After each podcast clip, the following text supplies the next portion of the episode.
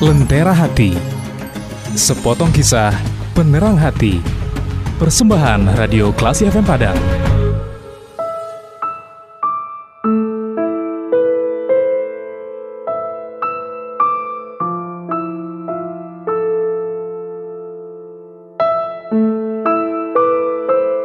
Assalamualaikum warahmatullahi wabarakatuh. Alhamdulillahirabbil alamin. Allahumma salli ala Muhammad wa ala ali Muhammad Classy people pada hari ini kita akan mencoba mengambil pelajaran dari kisah pertemuan antara Umar bin Khattab dengan Uwais Al-Qarni. Umar bin Khattab sepeninggal Rasulullah SAW sepeninggal Abu Bakar Siddiq diangkat menjadi khalifah. Ada sebuah kebiasaan yang dia lakukan. Setiap kali ada rombongan yang berasal dari Yaman, dia senantiasa bertanya kepada orang dari Yaman itu, Apakah di antara kalian ada seseorang yang bernama Uwais bin Amir? Selalu dia tanyakan itu. Selalu. Kenapa? Karena pernah Rasulullah sallallahu alaihi memberikan pesan kepadanya, mengabarkan kepadanya bahwa nanti akan datang orang dari Yaman, dari Koran yang bernama Uwais bin Amir yang dahulu tubuhnya pernah mendapatkan penyakit kulit. Kemudian ada tinggal sebesar dirham di kulitnya itu yang berwarna putih. Apabila engkau berjumpa dengannya, mintalah dia berdoa kepada Allah agar Allah mengampunimu.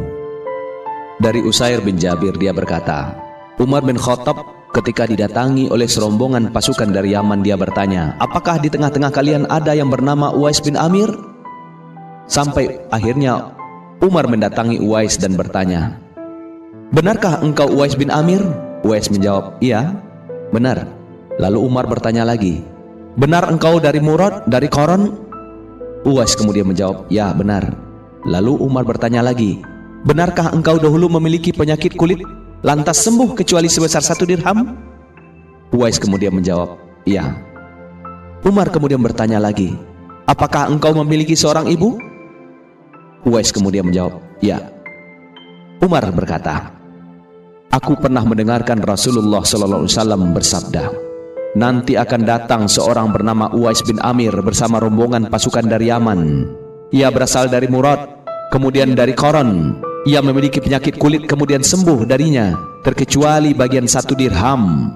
Ia punya seorang ibu dan sangat berbakti kepadanya.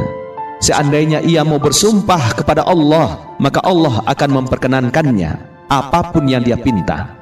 Jika engkau mampu agar ia meminta kepada Allah supaya engkau diampuni, maka mintalah kepadanya. Umar kemudian berkata, Wahai Uwais, mintalah pada Allah untuk mengampuniku. Uwais tentu saja ragu. Engkau adalah Amirul Mukminin, engkau yang seharusnya mendoakanku. Tetapi kemudian Umar terus mendesak. Lalu Uwais mendoakan Umar dan memintakan ampun kepada Allah. Setelah itu Umar pun kemudian bertanya kepada Uwais, Engkau hendak ke mana? Uwais menjawab, aku hendak ke Kufah. Maukah engkau jika aku tulis surat kepada penguasa Kufah agar dia membantu segala keperluanmu? Uwais kemudian menjawab, aku lebih suka menjadi orang yang lemah dan miskin. Tahun berikutnya ada seorang dari kalangan terhormat dari daerah Kufah pergi berhaji dan dia bertemu dengan Umar. Umar kemudian bertanya, Apakah engkau tahu tentang Uwais? Orang itu berkata, Aku tinggalkan Uwais dalam keadaan rumahnya yang miskin, barang-barangnya hampir tidak ada. Umar pun kemudian menyampaikan apa yang didengar dari Nabi Muhammad SAW bahwa akan datang seseorang yang bernama Uwais bin Amir dari daerah Yaman dan seterusnya dan seterusnya. Orang terhormat yang berasal dari Kufah itu pun kemudian kembali dari haji dan dia mencari Uwais. Ketika dia datangi Uwais, ia meminta kepada Uwais, "Wahai Uwais, mintalah ampunan kepada Allah untukku." Uwais kemudian menjawab, "Bukankah engkau baru kembali dari perjalanan haji, dari safar yang baik? Mintalah ampunan kepada Allah untukku." Justru Uwais kemudian meminta doa dari pembesar dari Kufah ini. Orang itu kemudian berkata kepada Uwais, "Bukankah engkau telah bertemu dengan Umar?" Uwais kemudian menjawab, "Iya benar." Uwais pun kemudian memintakan ampunan kepada Allah untuknya.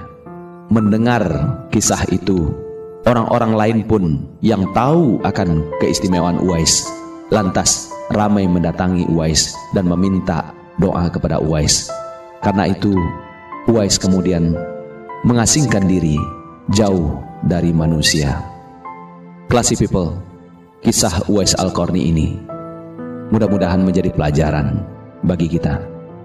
Dia tidak ingin dikenal oleh orang. Dia mengabdi kepada ibunya sehingga Rasul pernah mengatakan, andai dia bersumpah dan dia meminta sesuatu, maka niscaya Allah akan mengabulkan. Mari kita berjuang untuk menjadi insan sejati. Assalamualaikum warahmatullahi wabarakatuh.